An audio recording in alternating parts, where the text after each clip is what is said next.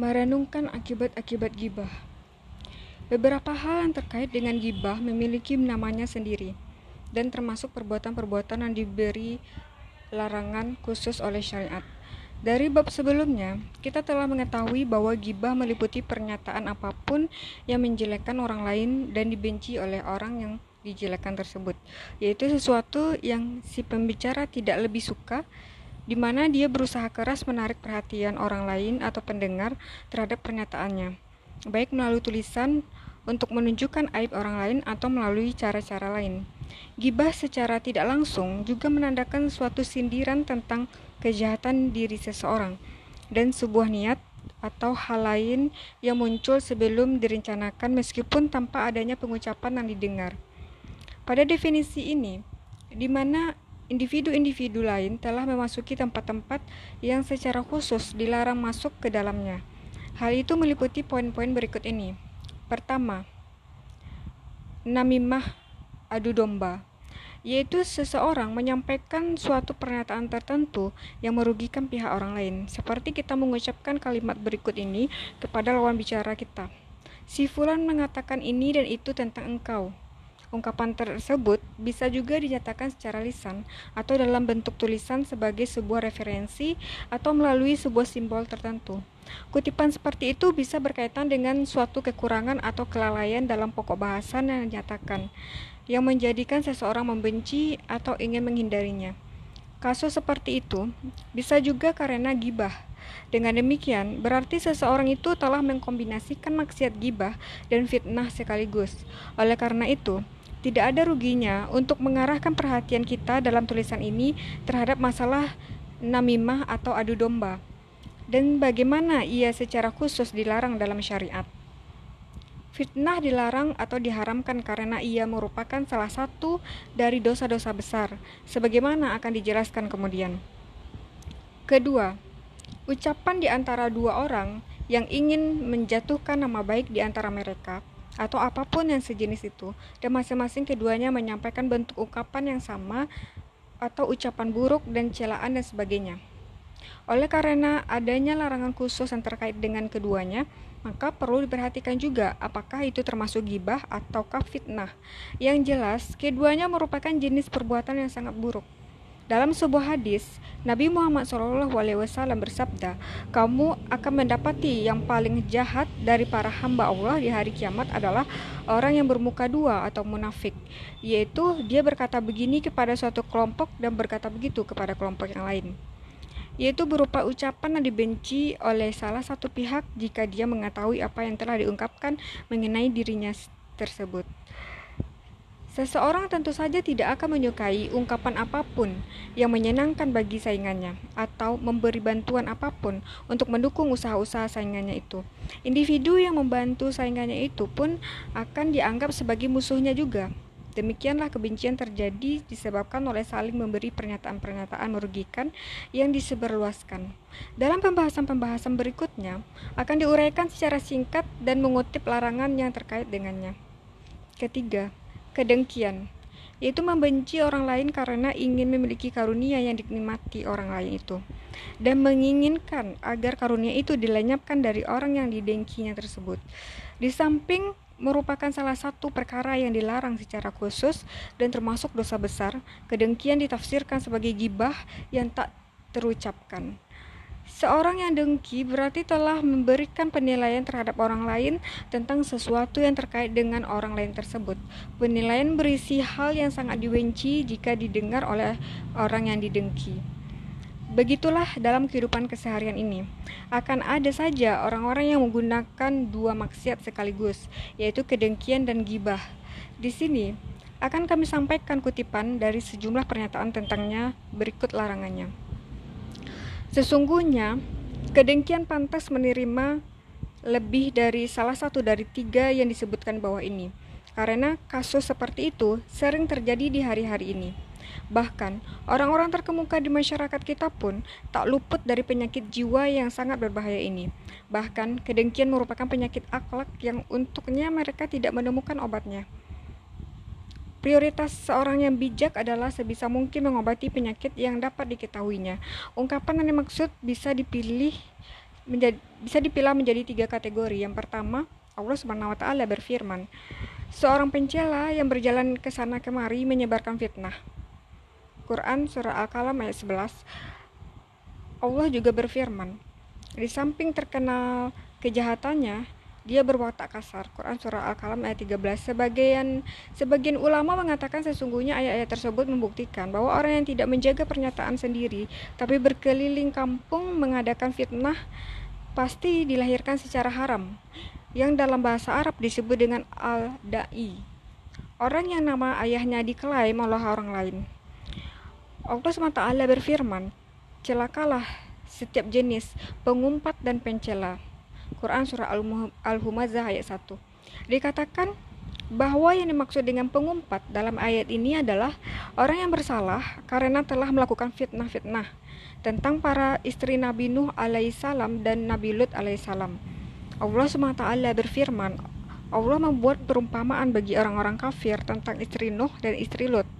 Kedua istri mereka hidup bersamaan Kedua istri mereka hidup bersama dua hamba kami yang soleh Lalu mereka berdua mengkhianati keduanya atau para suaminya itu. Namun kedua suaminya itu tidak dapat membantu mereka berdua sedikit pun di hadapan Allah dan dikatakan kepada kedua istri itu, Masuklah kalian berdua ke dalam neraka bersama orang-orang yang masuk neraka. Quran Surah Al-Tahrim ayat 10 Diceritakan bahwa istri Nabi Lut alaihissalam memberitahukan kepada orang lain tentang dua tamu yang mereka terima. Sedangkan istri Nabi Nuh alaihissalam bisa mengatakan bahwa suaminya adalah seorang gila. Nabi Muhammad SAW bersabda, tidak ada pelaku fitnah yang masuk surga. Dalam hadis ini, Rasulullah SAW bersabda bahwa tidak ada kata yang masuk surga. Katat adalah orang yang melakukan fitnah. Nabi SAW juga bersabda, orang yang paling dicintai Allah di antara kaummu adalah orang yang terbaik dalam perilakunya. Orang-orang yang merendahkan dirinya ketika mereka memeluk orang lain dan yang mendapati orang lain merupakan sahabat yang baik. Dan orang yang lain mendapati mereka sebagai sahabat yang baik. Orang yang paling dibenci Allah SWT adalah orang-orang yang berkeliling kampung mengadakan fitnah yang memutuskan hubungan di antara saudara-saudara dan mencari kesalahan orang-orang lain. Rasulullah SAW juga bersabda, Maukah aku beritahukan pada kalian tentang orang-orang yang paling jahat di antara kalian? Orang-orang yang hadir berkata, Ya tentu saja, wahai Rasulullah. Beliau SAW bersabda, Mereka adalah orang-orang yang berkeliling kampung mengadakan fitnah yang merusak hubungan baik di antara orang-orang yang saling mencintai, yang berusaha untuk menemukan kesalahan bahkan terhadap orang yang tidak berdosa sekalipun. Abu Zar berkata, Rasulullah SAW bersabda, bahwa jika seseorang mengucapkan suatu perkataan terhadap seorang muslim guna mempermalukannya tanpa alasan yang benar, Allah akan mempermalukannya dalam api neraka di hari kiamat. Abu Darda berkata bahwa Rasulullah SAW pernah menyatakan, jika seseorang menyebarkan pernyataan buruk tentang seseorang yang bersalah untuk memfitnahnya di dunia, maka Allah yang Maha Mulia dan Maha Agung berkewajiban untuk menghukumnya disebabkan dosa fitnah tersebut di hari kiamat dengan api neraka. Rasulullah SAW juga pernah menjelaskan bahwa ketika Allah SWT menciptakan surga, dia berfirman kepadanya, bicaralah, surga berbicara. Berbahagialah siapa pun yang memasukiku. Allah yang Maha Agung berfirman, Aku bersumpah demi kemuliaan dan keagunganku. Delapan jenis manusia tidak akan memiliki tempat di dalammu. Tidak akan pernah menjadi penghunimu, orang yang suka menenggak minuman keras, atau orang yang tetap melakukan zina, atau orang yang berkeliling kampung melakukan fitnah, atau orang yang tidak peduli tentang kehormatannya sendiri, atau orang yang bertindak terhadap terhadap orang-orang lain seperti seorang polisi atau seseorang pelaku homoseksual atau orang yang memutuskan hubungan dengan kerabatnya atau orang yang mengatakan aku berjanji kepada Allah untuk melakukan ini dan itu tapi dia tidak melakukannya.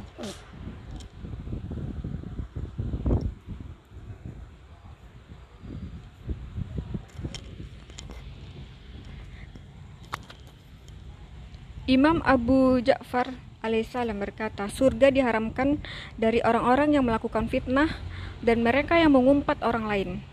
Imam Abu Abdullah alaihissalam mengatakan bahwa Amirul Mukminin Ali Ali alaihissalam berkata, orang-orang yang paling jahat di antara kamu adalah yang menyebarkan fitnah dengan mengumpat, yang memisahkan orang-orang yang saling mencintai, yang mencari kesalahan pada orang-orang yang tidak berdosa. Telah diriwayatkan bahwa Nabi Musa alaihissalam berdoa memohon hujan untuk Bani Israel ketika mereka ditimpa kekeringan panjang. Allah subhanahu wa ta'ala mengilhamkan hal berikut kepadanya. Aku tidak akan mengabulkanmu dan orang-orang yang bersamamu selama ada orang di antara kamu yang terus mengumpat. Nabi Musa alaihissalam berkata, Siapakah orang itu? Wahai Tuhanku, agar kami mengeluarkannya dari tengah-tengah kami. Allah SWT berfirman, Wahai Musa, aku melarang kamu dari memfitnah sedangkan kini kamu telah melakukannya. Akhirnya mereka semua bertobat dan menyadari kesalahan-kesalahan mereka karena telah melakukan melakukannya atau fitnah. Juga telah diriwayatkan tentang laki-laki yang telah mengikuti pelajaran juga telah diriwayatkan tentang laki-laki yang telah mengikuti perjalanan seorang bijak hingga sejauh jarak 700 farsak hanya demi menyampaikan tujuh pernyataan saja kepadanya. Maka ketika dia memiliki kesempatan baik untuk menyampaikan maksudnya itu, dia berkata kepada sang bijak, Aku datang untuk bertemu denganmu karena aku mengetahui apa yang Allah SWT telah anugerahkan kepadamu. Beritahukan aku tentang langit dan apa yang lebih berat darinya tentang bumi dan apa yang lebih luas darinya, tentang batu dan apa yang lebih keras darinya, tentang api dan apa yang lebih panas darinya, tentang zamharir atau sebuah tempat yang dingin sekali di neraka dan apa yang lebih dingin darinya, tentang laut dan apa yang lebih berharga darinya, dan juga tentang anak yatim dan apa yang merasa lebih lemah darinya. Orang bijak itu berkata menjawabnya, Berkata bohong tentang seorang yang tidak berdosa adalah lebih berat hukumannya di sisi Allah dari langit. Kebenaran adalah lebih luas dari langit dan bumi. Hati yang merasa cukup kanaah adalah lebih berharga dari laut. Kekikiran dan kedengkian adalah lebih panas dari api. Membutuhkan bantuan dari seseorang yang sangat dekat. Apabila tidak dipenuhi, maka lebih dingin dari zamharir. Hati seorang kafir adalah lebih keras dari batu seorang pengumpat yang berkebenaran tentangnya disingkapkan adalah lebih miskin dari seorang anak yatim. Ketahuilah bahwa fitnah itu lebih sering terjadi diakibatkan oleh perbuatan seorang yang memberitahukan kepada orang lain tentang apa yang dikatakan oleh pihak ketiga, seperti si fulan mengatakan ini dan itu tentang engkau, yaitu perkataan yang berisi sesuatu yang tidak mengandung kekhususan manfaat kecuali hanya membuat si pendengar menjadi panas. Hal ini sebagaimana telah dijelaskan sebelumnya ketika membahas gibah dan hukuman bagi orang yang melakukan dalam pengertian yang lebih umum yaitu perbuatan yang diartikan sebagai penyingkapan tentang sesuatu atas seseorang yang dibenci untuk disingkapkan, baik bagi orang yang menyatakan maupun orang dimaksudkan oleh ucapan itu, atau bahkan bagi pihak ketiga. Pengungkapannya bisa melalui ucapan, tulisan, suatu referensi, sebuah mob, sebuah simbol, isyarat, dan sejenisnya. Atau juga bisa melalui suatu aksi atau pernyataan tertentu. Atau isi dari ungkapan itu tentang suatu cacat atau kekurangan pada individu tertentu. Sesungguhnya, kenyataan tentang fitnah adalah seperti ini membuka rahasia dan menyobek tirai untuk memperlihatkan apa yang dibenci dan diungkapkan. Semestinya, apa saja yang dilihat oleh seseorang tentang kondisi orang lain, maka hal itu harus dirahasiakan, kecuali apabila berbicara tentangnya memberikan manfaat bagi seorang muslim atau demi pencegahan terhadap timbulnya maksiat. Sebagai contoh, apabila kita melihat ada seorang yang menyalahgunakan kekayaan yang diamanatkan orang lain kepadanya, maka kita harus memberi kesaksian pada apa yang terlihat guna melindungi hak-hak orang dizalimi itu. Namun, jika kita melihat seseorang menyembunyikan uang bagi dirinya sendiri, lalu kita membicarakan tentangnya, maka kita pada saat itu telah melakukan gibah dan berarti telah membuka rahasia orang itu. Jika gibah yang diungkapkan itu menjadi aib bagi orang yang dituju oleh pernyataan kita itu, maka dia si pelakunya telah mengkombinasikan gibah dan fitnah sekaligus. Alasan yang mendorong seseorang untuk melakukan fitnah mungkin saja berupa keinginan untuk merugikan orang yang dibicarakan, atau untuk menunjukkan cinta kepada orang yang mendengarkannya, atau untuk melihat dampak dari cerita yang disebarkan kepada orang banyak atau semata-mata karena ingin mencampuri urusan orang lain semata. Orang yang kepadanya fitnah dilakukan dan dia mendengar bahwa si fulan telah mengatakan ini dan itu tentangnya atau melakukan sesuatu terhadap dirinya, bersekongkol melawannya atau berusaha untuk mendekati lawan-lawannya atau untuk menodai citranya atau apa pun yang semacamnya, maka untuk hal tersebut dia harus melakukan enam hal berikut ini. Pertama, dia tidak harus percaya kepada si penutur fitnah itu Sebab siapa pun yang menyebarkan fitnah adalah jahat dan kesaksiannya ditolak. Allah Subhanahu wa taala berfirman, "Wahai orang-orang yang beriman, jika seorang jahat fasik datang kepada kamu dengan membawa sebuah berita sedikitlah kebenaran agar kamu tidak merugikan suatu kaum karena kebodohan kamu, lalu kemudian kamu menjadi menyesal atas apa yang telah kamu lakukan." Quran surah Al-Hujurat ayat 6.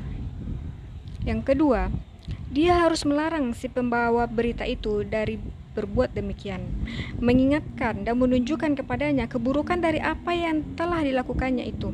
Allah SWT berfirman, Suruhlah manusia untuk berbuat kebaikan dan laranglah dari yang salah. Quran Surah Luqman ayat 17 Yang ketiga, dia harus membencinya atas dasar ketakutannya sendiri kepada Allah SWT karena orang yang menyebarkan berita itu dibenci oleh Allah dan siapa pun yang dibenci oleh Allah juga dibenci, juga harus dibenci. Yang keempat, dia tidak harus menjelekkan saudara atau temannya untuk disebabkan perkataan saudara atau temannya itu. Berdasarkan ayat ini, wahai orang-orang yang beriman, hindarilah sebanyak mungkin prasangka. Quran Surat Al-Hujurat ayat 12. Sebaiknya, dia harus tetap bersabar sehingga apa yang dia dengar itu sudah bisa dipastikan kebenarannya. Yang kelima, dia harus tetap berhati-hati, sebab apa yang disampaikan orang kepadanya itu tidak harus mendorongnya untuk memata-matai dan mencari-cari untuk mengetahui sesuatu berdasarkan ayat Al-Quran, dan janganlah kamu saling memata-matai. Quran Surat Al-Hujurat ayat 12. Yang keenam, dia tidak perlu merespon perkataan penyampai berita dengan tindakan tertentu. Yang dengan begitu berarti dia telah mencegah si pelaku fitnah itu melanjutkan aksinya. Sehingga dia tidak harus memberitahukan apa yang didengarkannya dengan mengatakan si fulan telah memberitahukan kepadaku ini dan itu. Karena dengan demikian berarti dia juga telah melakukan fitnah dan gibah, yakni dengan merespon hal yang demikian itu berarti dia telah ikut terseret melakukan dosa yang sama di mana dia justru ingin mengingatkan orang lain itu dari bahayanya. Diriwayatkan tentang Amirul Mukminin Ali bin Abi Thalib radhiyallahu bahwa seorang laki-laki datang kepada beliau untuk menjelekkan orang lain. Imam Ali alaihissalam lalu berkata, "Wahai fulan, kami akan menyelidiki tentang apa yang telah engkau nyatakan ini." Jika engkau terbukti benar, kami akan membencimu, dan jika engkau terbukti berbohong, kami akan menghukummu. Jika engkau ingin kami memberhentikanmu, kami dapat melakukannya sekarang juga.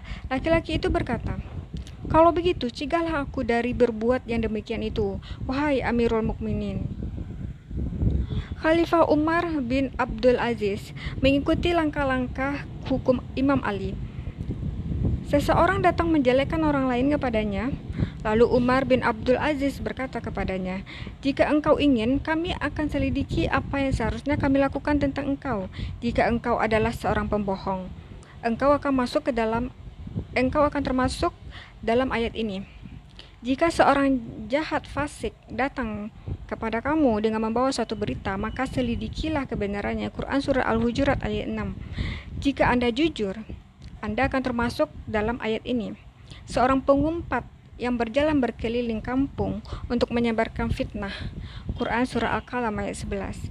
Jika Anda ingin kami dapat memaafkan Anda, lelaki itu berkata, Maafkanlah aku, wahai Amirul Mukminin, karena aku tidak akan pernah melakukannya lagi. Diriwayatkan bahwa ada seorang bijak yang dikunjungi oleh salah satu saudaranya yang memberitahukan sesuatu tentang orang lain. Orang bijak itu berkata kepada saudaranya itu, Engkau datang ke sini dengan terburu-buru dan engkau telah membawakan aku dengan tiga perbuatan pengkhianatan. Engkau membuatku membencimu, engkau mengeletakkan hal buruk dalam hatiku yang sebelumnya kosong darinya, dan engkau telah mengklaim bahwa jiwamu sendiri yang akan selamat. Diriwayatkan bahwa seorang khalifah mengatakan hal berikut kepada seseorang. Aku telah mengetahui bahwa engkau mengatakan ini dan itu tentang aku. Orang itu berkata, Aku tidak pernah mengatakan demikian dan tidak pula melakukan yang demikian. Khalifah berkata, Orang yang memberitahukan aku adalah orang yang jujur, Zuhri, yang pada waktu itu hadir di sana, kemudian berkata, Seseorang yang berkeliling kampung menyebarkan fitnah tidak bisa dikatakan sebagai orang yang jujur.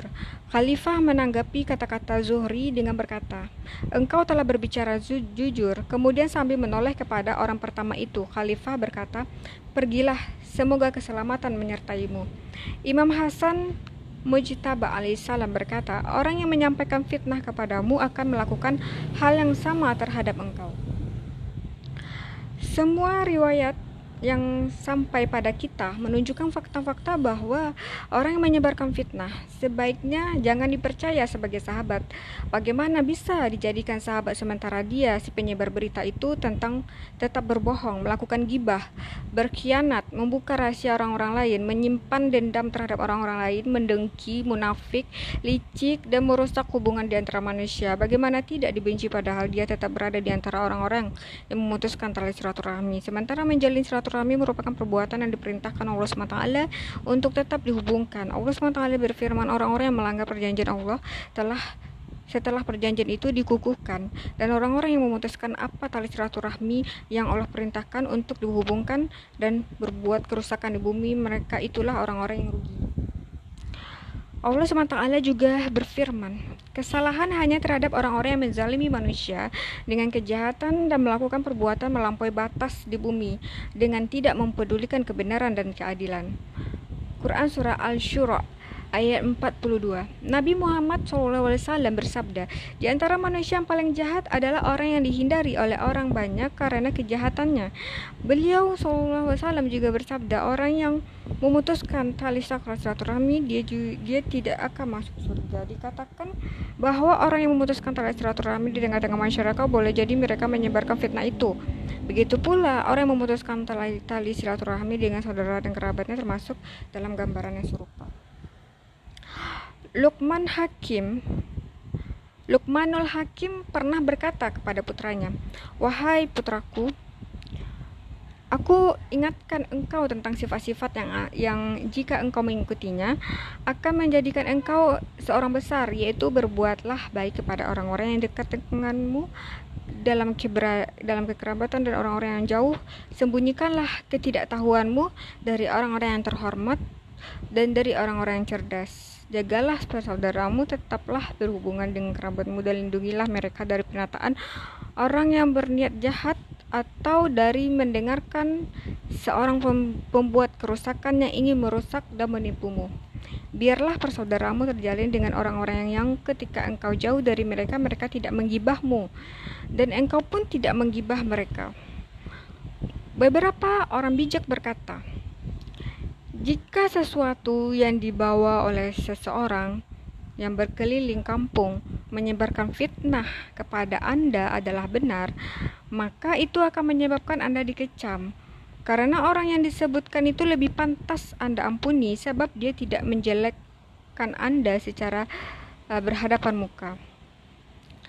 Secara keseluruhan, kejahatan yang diakibatkan oleh orang yang menyebarkan fitnah adalah sungguh besar dan sebaliknya dihindari.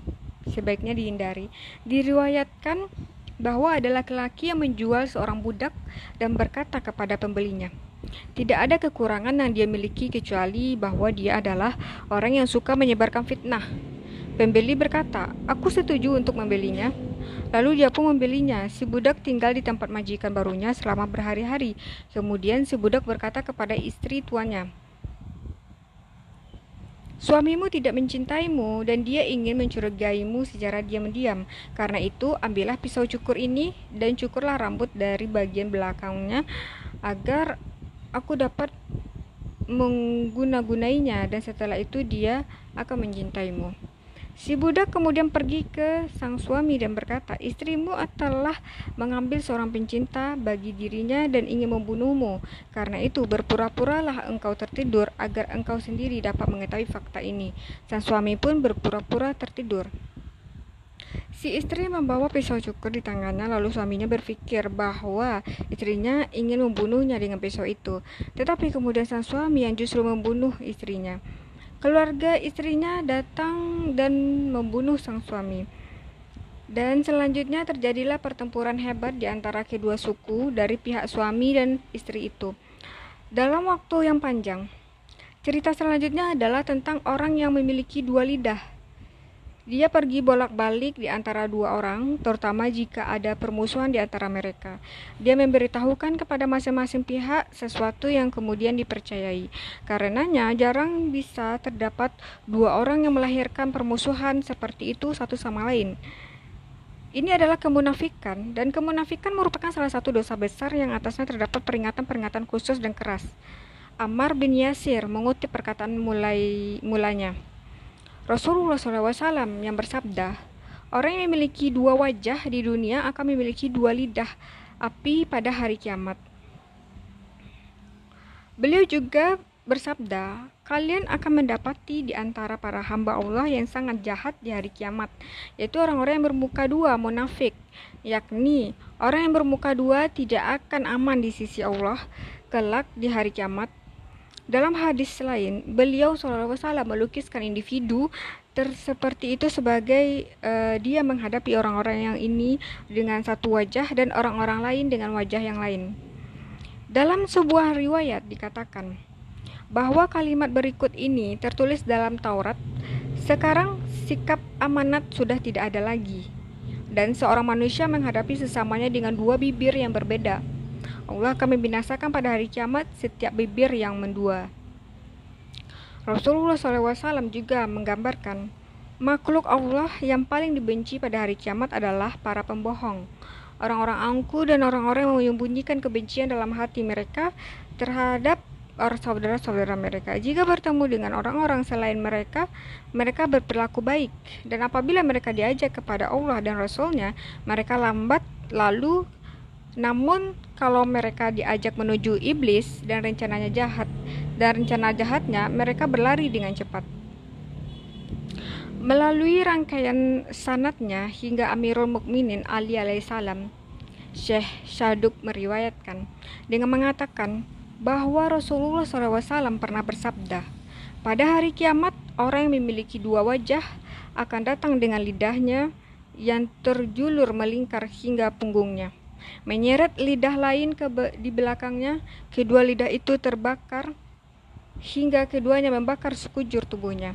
Pada saat itu akan dikatakan, inilah orang yang pada masa hidupnya dulu memiliki dua wajah dan dua lidah. Dia akan dikenal seperti itu pada hari kiamat. Dengan rangkaian sanatnya hingga Imam Muhammad Bakir alaihissalam, beliau alaihissalam berkata, Jenis hamba Allah yang paling buruk adalah orang yang memiliki dua wajah dan dua lidah. Dia memuji saudaranya ketika dia menghadapi saudaranya itu dan membicarakan keburukannya ketika si saudaranya itu tidak hadir. Jika saudaranya diberikan sesuatu, dia dengki terhadapnya dan jika saudara itu tertimpa musibah, dia mengkhianatinya. Melalui rangkaian sanatnya hingga Imam Bakir alaihissalam disebutkan bahwa beliau alaihissalam berkata, Jenis hamba Allah yang terburuk adalah orang yang berkeliling kampung membawa fitnah. Memfitnah orang-orang lain, dia menghadapi seseorang dengan satu wajah dan meninggalkannya dengan wajah yang lain. Jika engkau juga melalui rangkaian sanat yang sampai pada Rasulullah SAW, beliau SAW bersabda, Allah SWT berfirman kepada Isa bin Maryam, Wahai Isa, hendaklah lidahmu di saat kesendirian dan di saat berada di antara manusia adalah lidah yang satu dan sama. Dan begitu pula seharusnya hatimu. Aku aku peringatkan engkau terhadap jiwamu sendiri dan engkau cukup mengetahuinya. Dua lidah tidak pantas berada dalam satu mulut. Bagaimana halnya dua pedang dalam satu sarung pedang dan dua hati dalam satu dada dan demikian pula halnya pemikiran. Ketahuilah bahwa seseorang akan terbukti memiliki dua lidah yang berbeda berdasarkan beberapa hal berikut ini. Dia memiliki informasi tentang apa yang seseorang katakan kepada orang lain, namun Itu berbeda dengan fitnah, karena fitnah adalah ketika seseorang mengutip perkataan seseorang kepada seseorang yang lain. Dia harus bersikap baik kepada masing-masing pihak yang berseteru berkenaan dengan permusuhan di antara mereka dengan tidak memberitakan apa yang mereka katakan satu sama lain. Dia berjanji untuk mendukung dan membantu satu sama lain. Dia memuji kedua belah pihak ketika mereka dalam kondisi bermusuhan, juga dia memuji di hadapan satu pihak meskipun dia mungkin menjelekannya segera setelah pihak itu tidak bersamanya. Padahal sebaliknya, dia tetap diam atau memuji kebaikannya ketika bersama individu itu, ada bersamanya atau tidak, dan bahkan di hadapan musuhnya sekalipun. Kedua lidah dimaksud di sini tidak akan sama berkenaan dengan para musuhnya. Dia berbicara baik kepada masing-masing pihak dalam kejujuran. Oleh karena seseorang mungkin saja menjadi sahabat dari kedua belah pihak yang sedang berseteru itu. Namun, hal seperti ini akan merupakan persahabatan yang lemah yang tidak mencapai batasan persaudaraan. Jika ada persahabatan sejati, maka persahabatan tersebut akan mengharuskan si sahabat memusuhi musuhnya. Hal ini telah diketahui dengan baik bahwa ada tiga jenis sahabat. Sahabat, sahabatnya sahabat, dan musuhnya sah dan musuhnya musuh. Musuh-musuh juga ada tiga jenis, musuh, musuhnya sahabat, dan sahabatnya musuh. Kami katakan bahwa seseorang tidak harus bertemu dengan seorang yang berkuasa atau bergaul dengan musuh keimanan. Jika dia memilih untuk bertemu dengannya dan menemaninya, mencari keunggulan dan kekayaan di luar jalur yang dibenarkan, maka dia bisa dikatakan sebagai orang yang berlidah dua. Juga dia adalah seorang munafik sebagaimana diriwayatkan uh, dakhak berikut ini. Rasulullah SAW bersabda, kecintaan terhadap kekuasaan dan kekayaan menanamkan benih kemunafikan dalam hati sebagaimana air membantu pertumbuhan biji-bijian. Jika seseorang memiliki kebutuhan untuk melakukan hal demikian demi menghindari kemiskinan, maka dia dimaafkan dan tidak ada kerugian baginya sebab menghindari kejahatan adalah dibolehkan. Abu Darda berkata, kami benar-benar sering tersenyum untuk beberapa orang padahal hati kami menganggap mereka dalam keterhinaan. Diriwayatkan bahwa seseorang berlebihan sikapnya terhadap Nabi Muhammad SAW hingga beliau berkata, betapa buruknya badui. Namun ketika orang itu mengunjungi Nabi SAW lagi, Nabi sangat baik terhadapnya beliau SAW ditanya tentang itu. Maka beliau berkata, orang yang paling jahat adalah orang yang dihormati demi menghindari kejahatannya. Jenis ketiga dari kedengkian merupakan salah satu penyakit dan maksiat terbesar yang merusak hati seseorang dengan sangat jahat dan paling buruk. Jenis ini merupakan dosa pertama yang dilakukan di bumi, yakni ketika iblis dengki kepada Adam alaihissalam dan karena kedengkian inilah yang menyebabkan iblis melakukan maksiat. Demikianlah bencana terjadi sejak waktu itu dan berlanjut hingga akhir zaman. Allah SWT telah memerintahkan nabinya Shallallahu Alaihi Wasallam untuk meminta perlindungan padanya dalam menghadapi kejahatan seperti itu dengan firman-Nya. Aku meminta perlindungan kepada Tuhan yang fajar dari kejahatan orang-orang yang dengki apabila dia dengki. Quran Surah Al-Falaq ayat 5 Rasulullah SAW bersabda, Kedengkian memakan perbuatan-perbuatan baik sebagaimana api memakan kayu bakar. Beliau SAW juga bersabda, enam jenis orang akan masuk neraka karena enam alasan masing-masingnya. Para penguasa karena kezalimannya, orang-orang bodoh karena fanatismenya, para pedagang karena keangkuhannya, para penguasa karena pengkhianatannya, para penjual hadis karena kejahilannya dan para ulama karena kedengkiannya. Rasulullah SAW menjelaskan penyakit dari umat-umat yang telah mendahului kalian telah meng menjalar ke dalam masyarakat kalian. Kedengkian, kebencian, dan pisau cukur. Dan mengenai pisau cukur, maka saya tidak dimaksudkannya mencukur rambut tapi mencukur keimanan. Demi zat yang menggenggam jiwa Muhammad Shallallahu Alaihi Wasallam, kalian tidak akan masuk surga hingga kalian beriman, dan kalian tidak akan beriman hingga kalian masih saling mencintai. Maukah saya beritahukan kalian tentang apa yang dapat mengokohkan cinta di antara kalian yaitu menyebarkan salam. Dalam sebuah riwayat dibawakan oleh Muaz bin Jabal, Nabi SAW bersabda, para malaikat pencatat amal naik dengan laporan-laporan tentang perbuatan baik yang dilakukan oleh seorang hamba Allah seperti seorang pengantin wanita disatukan dengan keluarga barunya hingga mereka mencapai langit kelima. Dengan laporan baik itu tentang perbuatan-perbuatan kesalehan seperti jihad dan haji. Dan perbuatan baik memiliki cahaya seperti cahaya mentari. Satu malaikat lain akan mengatakan, Aku adalah malaikat yang bertugas mencatat kedengkian-kedengkian Pelaku perbuatan ini mendengki orang lain karena Allah telah mengadugerahi orang lain itu dengan nikmat-nikmatnya. Dan dia merasa tidak senang dengan perbuatan orang lain sementara Allah SWT meridainya. Tuhanku telah memerintahkan aku agar tidak mengizinkan perbuatan baiknya terabaikan olehku. Imam Ja'far Sa'dik alaihissalam berkata, orang-orang yang dengki merugikan dirinya sendiri sebelum merugikan orang yang dia dengki. Sebagaimana iblis yang karena kedengkiannya mewariskan bagi dirinya kutukan. Sementara bagi Adam alaihissalam adalah pengistimewaan, petunjuk dan keutamaan menuju suatu makam dari fakta-fakta perjanjian dan ujian. Maka, jadilah orang yang didengki dan janganlah menjadi orang yang mendengki. Karena neraca dari orang yang mendengki akan selalu ringan dibandingkan neraca orang yang didengki. Rezeki sudah ditentukan sebelumnya, jadi kebaikan apa yang hendak dilakukan oleh kedengkian terhadap orang yang mendengki dan kerugian apa yang akan diterima oleh orang yang didengki. Kedengkian berasal dari kebutaan hati dan pengingkaran terhadap nikmat Allah dan keduanya merupakan dua sayap dari kekufuran. Karena kedengkianlah hingga anak Adam jatuh dalam kemalangan abadi mengalami kebinasaan dalam satu cara yang dia tidak akan pernah selamat darinya.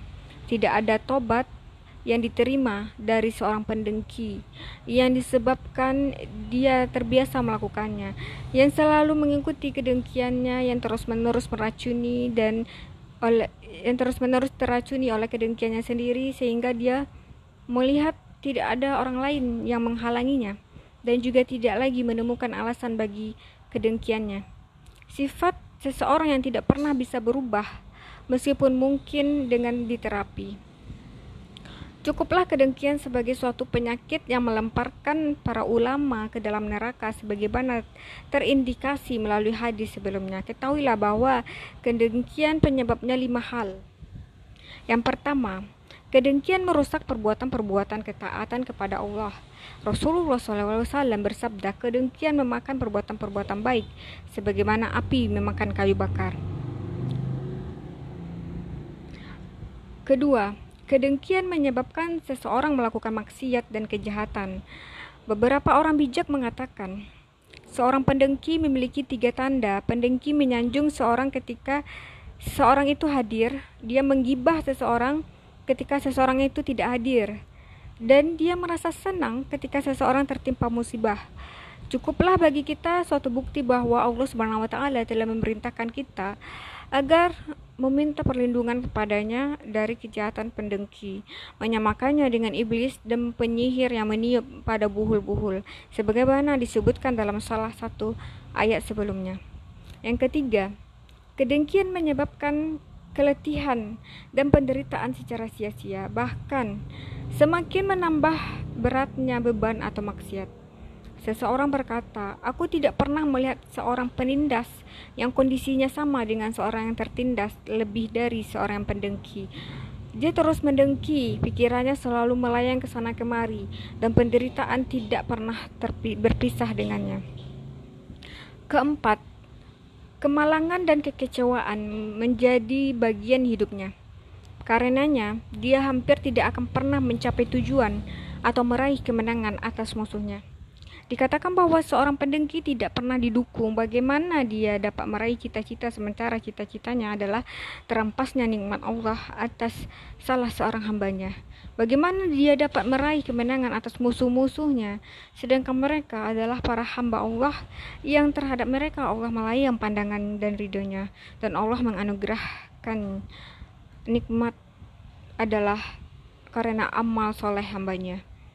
Pembicaraan tentang kedengkian benar-benar panjang karena para ulama akhlak telah menyelidiki, meriset, dan mendiagnosis penyakit yang mencengkramnya begitu kuat dalam hati orang-orang yang terkemuka, apalagi orang-orang awam. Karenanya, kita akan membatasi pembahasan kita di sini pada topik-topik tertentu saja. Pertama, yang termasuk kedengkian dan hukum-hukum yang terkait dengannya, jenis-jenis terhadap jenis-jenis dan tahap-tahapnya. Yang termasuk dalam lingkup kedengkian adalah mendambakan apa yang dimiliki oleh orang lain, seperti kedudukan mereka dan sebagainya, dan menginginkan hilangnya dambaan itu dari orang lain. Kedengkian bergerak beriringan dengan kekuatan kemarahan, dengan pelampisan kemarahan, keberlanjutan kedengkian, dan pengkhianatan dan peningkatannya seiring dengan meningkatnya kedudukan orang yang didengki yang terhadapnya kedengkian ditujukan. Karena alasan ini, Amirul Mukminin Ali alaihissalam berkata, orang yang dengki biasanya selalu marah-marah terhadap orang-orang yang tidak melakukan dosa. Kedengkian merupakan jenis kezaliman dan ketidakadilan. Ah, Imam Ali alaihissalam juga berkata, tidak ada kebahagiaan bersama kedengkian. Tidak ada kebahagiaan bagi orang yang dengki. Keinginan orang yang dengki dan para ah, dan cara berpikir tentang bagaimana mendapatkan kedudukan orang yang di yang dia dengki dan bagaimana kedudukan itu harus uh, dilenyapkan lagi oleh harus di, harus dilenyapkan dari orang yang didengki itu terus mendominasi seluruh dimensi gerak-geriknya, sebuah gerakan yang mencabutnya dari kebahagiaan. Orang-orang bijak telah bersepakat bahwa kedengkian di samping secara psikologis sangat merugikan, juga menjadi salah satu penyebab utama kehancuran dunia. Orang yang dengki kebanyakan bergerak dan berencana untuk menghancurkan orang-orang yang dianugerahi nikmat-nikmat keunggulan dan kekayaan yang dengan adanya dengan adanya itu bumi menjadi tegap kedengkian tidak terkait dengan orang-orang lain seperti orang-orang rendahan atau miskin Orang yang dengki tidak pernah bimbang dalam usahanya sampai kedudukan orang yang didengki menjadi lenyap sama sekali. Dia sendiri pada akhirnya akan binasa karena gerak-gerakan aktual itu di didiktekan oleh kesadaran atau oleh apa yang dia katakan sendiri. Karena alasan ini, dikatakan bahwa orang yang mendengki terhadap kebahagiaan orang lain tidak pernah merasa senang hingga kebahagiaan itu lenyap dari yang didengkinya itu. Karena adanya motif yang begitu kuat dalam kemarahannya, maka kekuatan merusak itu tetap bergerak. Hmm, membobisilir dan mengalir dalam darah si pendengki. Seringkali usaha dari para pelaku kejahatan itu bergentayangan di antara mereka yang memiliki otoritas-otoritas. Mereka yang memiliki otoritas biasanya adalah orang yang berpengetahuan.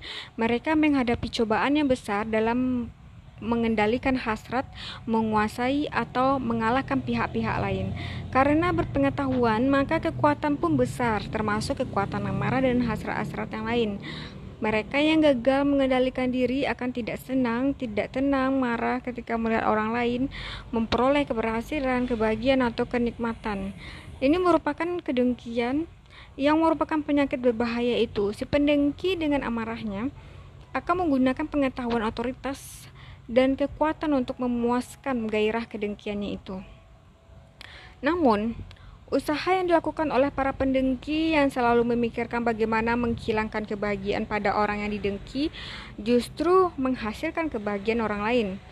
Oleh karena yang Maha Kuasa melindungi orang-orang yang didengki itu dan malah memberikan tambahan nikmat-nikmatnya kepada mereka yang didengki. Karenanya, orang yang dengki tidak akan memiliki jalan untuk merugikan mereka, justru sebaliknya. Kerugianlah yang akan menimpa orang-orang yang menindas manusia dan membuat kerusakan di bumi tanpa sebab yang pantas. Kejahatan dari orang-orang seperti itu akan menjadi sebab bagi kehancuran bumi. Karena bumi dan orang-orang yang hidup di atasnya akan menjadi rusak, maka Allah SWT tidak menyukai perusakan dan kezaliman.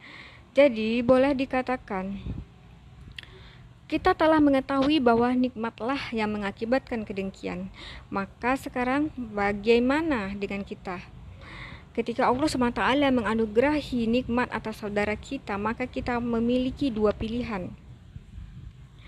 Salah satunya adalah bahwa kita membenci nikmat itu dan merasa senang bila nikmat itu hilang darinya. Keadaan seperti ini disebut kedengkian. Pilihan yang lain adalah bahwa kita tidak suka melihat nikmat itu hilang darinya, tetapi kita juga ingin untuk memiliki nikmat hal yang sama. Dan ini dinamakan kedengkian yang layak dipuji dan bisa juga diistilahkan dengan kompetisi. Kompetisi ya.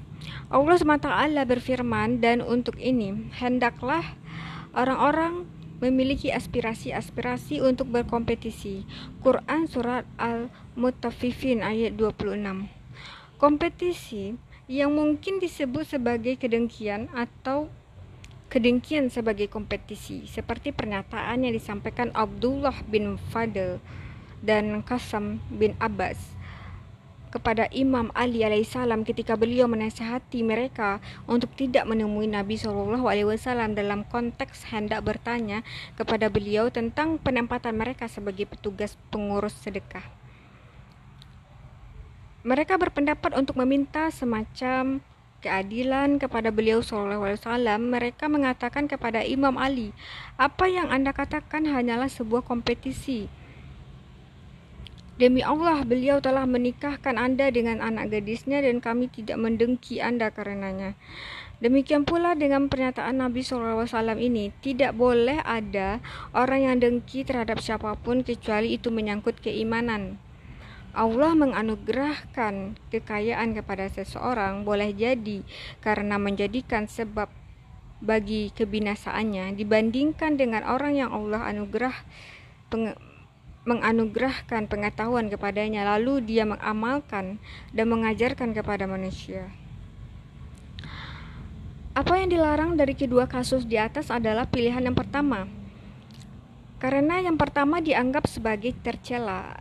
Rasulullah SAW bersabda, seorang mukmin mengungkapkan kedengkian sebagai kompetisi yang layak dipuji, sedangkan seorang munafik mendengki.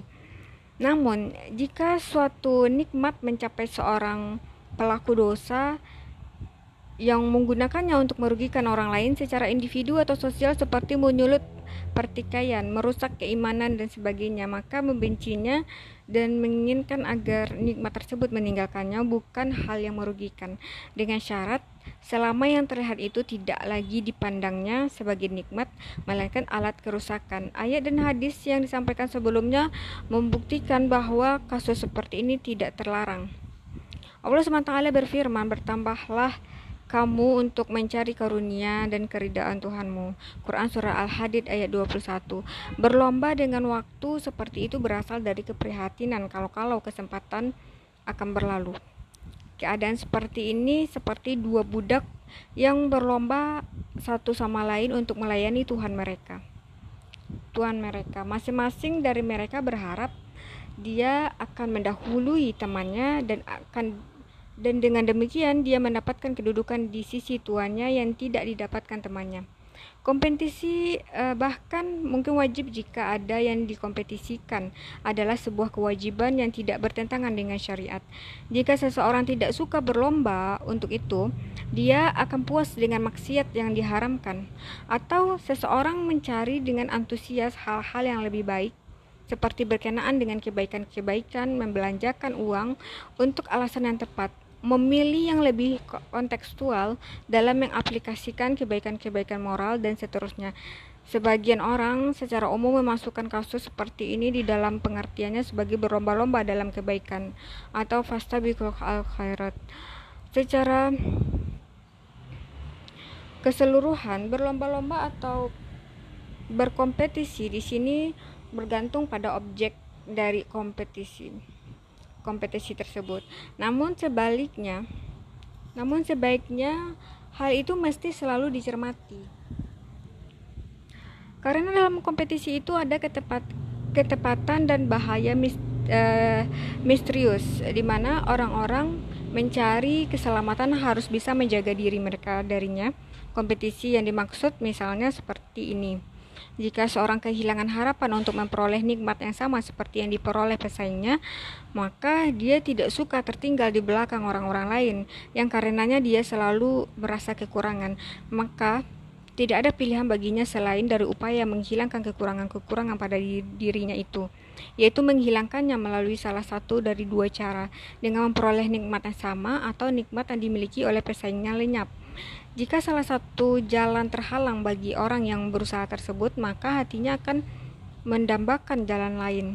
Karena dengan hilangnya nikmat, maka kekurangan yang tidak diinginkan juga akan lenyap. Karenanya dia menempatkan dirinya untuk diuji.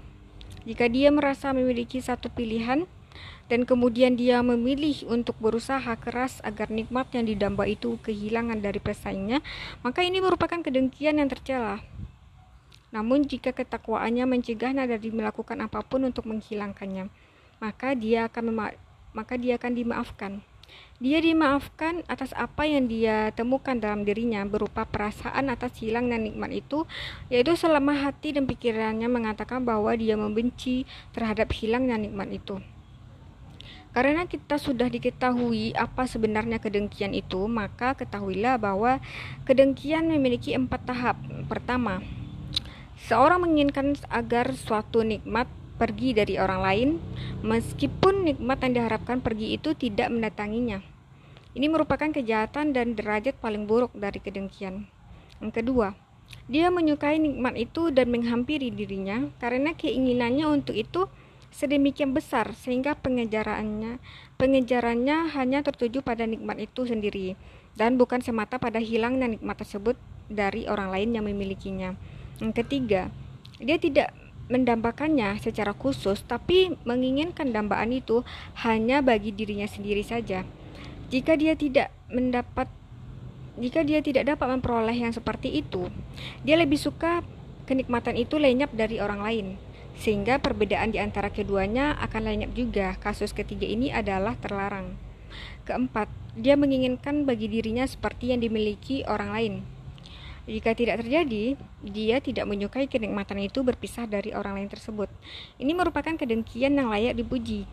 Sesungguhnya keimanan memujinya, dan kita menyebutnya sebagai kedengkian yang dibolehkan. Kedua, sebab-sebab bagi timbulnya kedengkian. Sebab-sebab ini tidak banyak, tetapi kedengkian dipercayai memiliki tujuh sebab, yaitu yang pertama permusuhan, yang kedua cinta diri, yang ketiga kebanggaan, yang keempat keangkuhan, yang kelima terlalu berhasrat untuk mencari apa yang hilang, yang keenam cinta kekuasaan, yang ketujuh rusaknya diri dan kikirnya jiwa. Yang pertama, seseorang yang menganggap orang lain itu musuh, maka dia tentu tidak ingin musuhnya itu memperoleh kebaikan apa pun, dan hubungan ini tidak hanya berlaku di antara orang-orang yang sebaya saja. Yang kedua, dia cemas apabila orang lain akan lebih unggul dari dirinya karena nikmat yang dimilikinya. Dia tidak bisa menerima jika keunggulan dan kebebas dan kebesaran orang lain itu disebabkan oleh suatu penghargaan tertentu. Ini adalah karena cinta diri. Yang ketiga, kebanggaan itu tampak pada sifatnya sendiri. Seorang merasa lebih unggul dari orang lain yang didengki, yang dia dengki, tetapi hal ini juga bisa disebabkan oleh nikmat yang diterima orang lain dan dia merasa terkalahkan dengan dengki itu. Hal ini digambarkan sebagai kebanggaan diri. Yang keempat, kenikmatan mungkin saja sangat besar di matanya sehingga dia heran mengapa orang lain dapat meraihnya sedangkan dia sendiri tidak. Ini dinamakan keangkuhan. Yang kelima, Seseorang yang cemas bahwa dia akan kehilangan kesempatan dalam memperoleh dambaannya disebabkan kebahagiaan yang tampak pada orang lain. Maka dia pun melakukan kompetisi terhadap orang lain berkenaan dengan urusan-urusannya sendiri. Yang keenam, kedengkian mungkin disebabkan mencintai kekuasaan dan otoritas. Cinta ini didasarkan atas keadaan seseorang yang memiliki nikmat di mana dia tidak menginginkan seorang lain pun menyamainya. Yang ketujuh, Kedengkian yang tidak disebabkan oleh salah satu dari sebab-sebab yang dinyatakan di atas, tapi disebabkan oleh jiwa seorang yang merusak.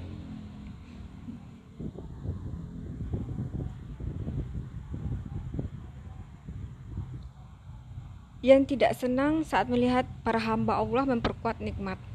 Tuhan yang Maha Terpuji telah menunjukkan sebab yang pertama, sebab seperti dalam firman-Nya, kebencian telah tampak dari mulut-mulut mereka.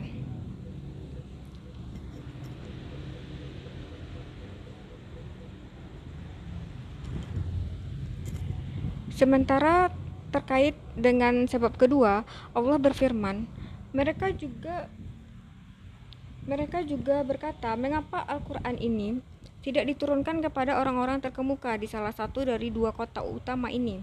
Quran Surat Al-Zukhruf ayat 31 dengan kata lain, dalam kasus ini tidak akan sulit bagi orang-orang uh, tersebut untuk kemudian menghinakan diri. Mereka pun akan mengikuti orang-orang yang dianggap besar itu jika dia memperolehnya.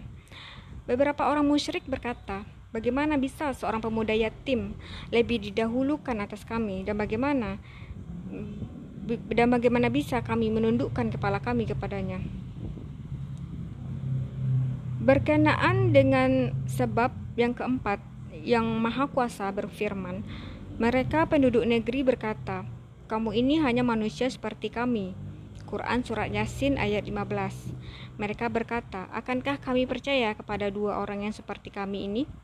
Quran Surat Al-Mu'minun ayat 47 Jika kami taat kepada manusia seperti kamu, niscaya kami sungguh pasti merugi. Quran Surat Al-Mu'minun ayat 34 Mereka heran tentang seorang manusia seperti diri mereka meraih kedudukan sebagai pembawa pesan dan wahyu Tuhan serta begitu dekat dengan Allah Subhanahu wa taala. Karenanya mereka mendengkinya dan berkata dalam keheranan Apakah Allah telah mengutus seorang manusia seperti kami sebagai rasul?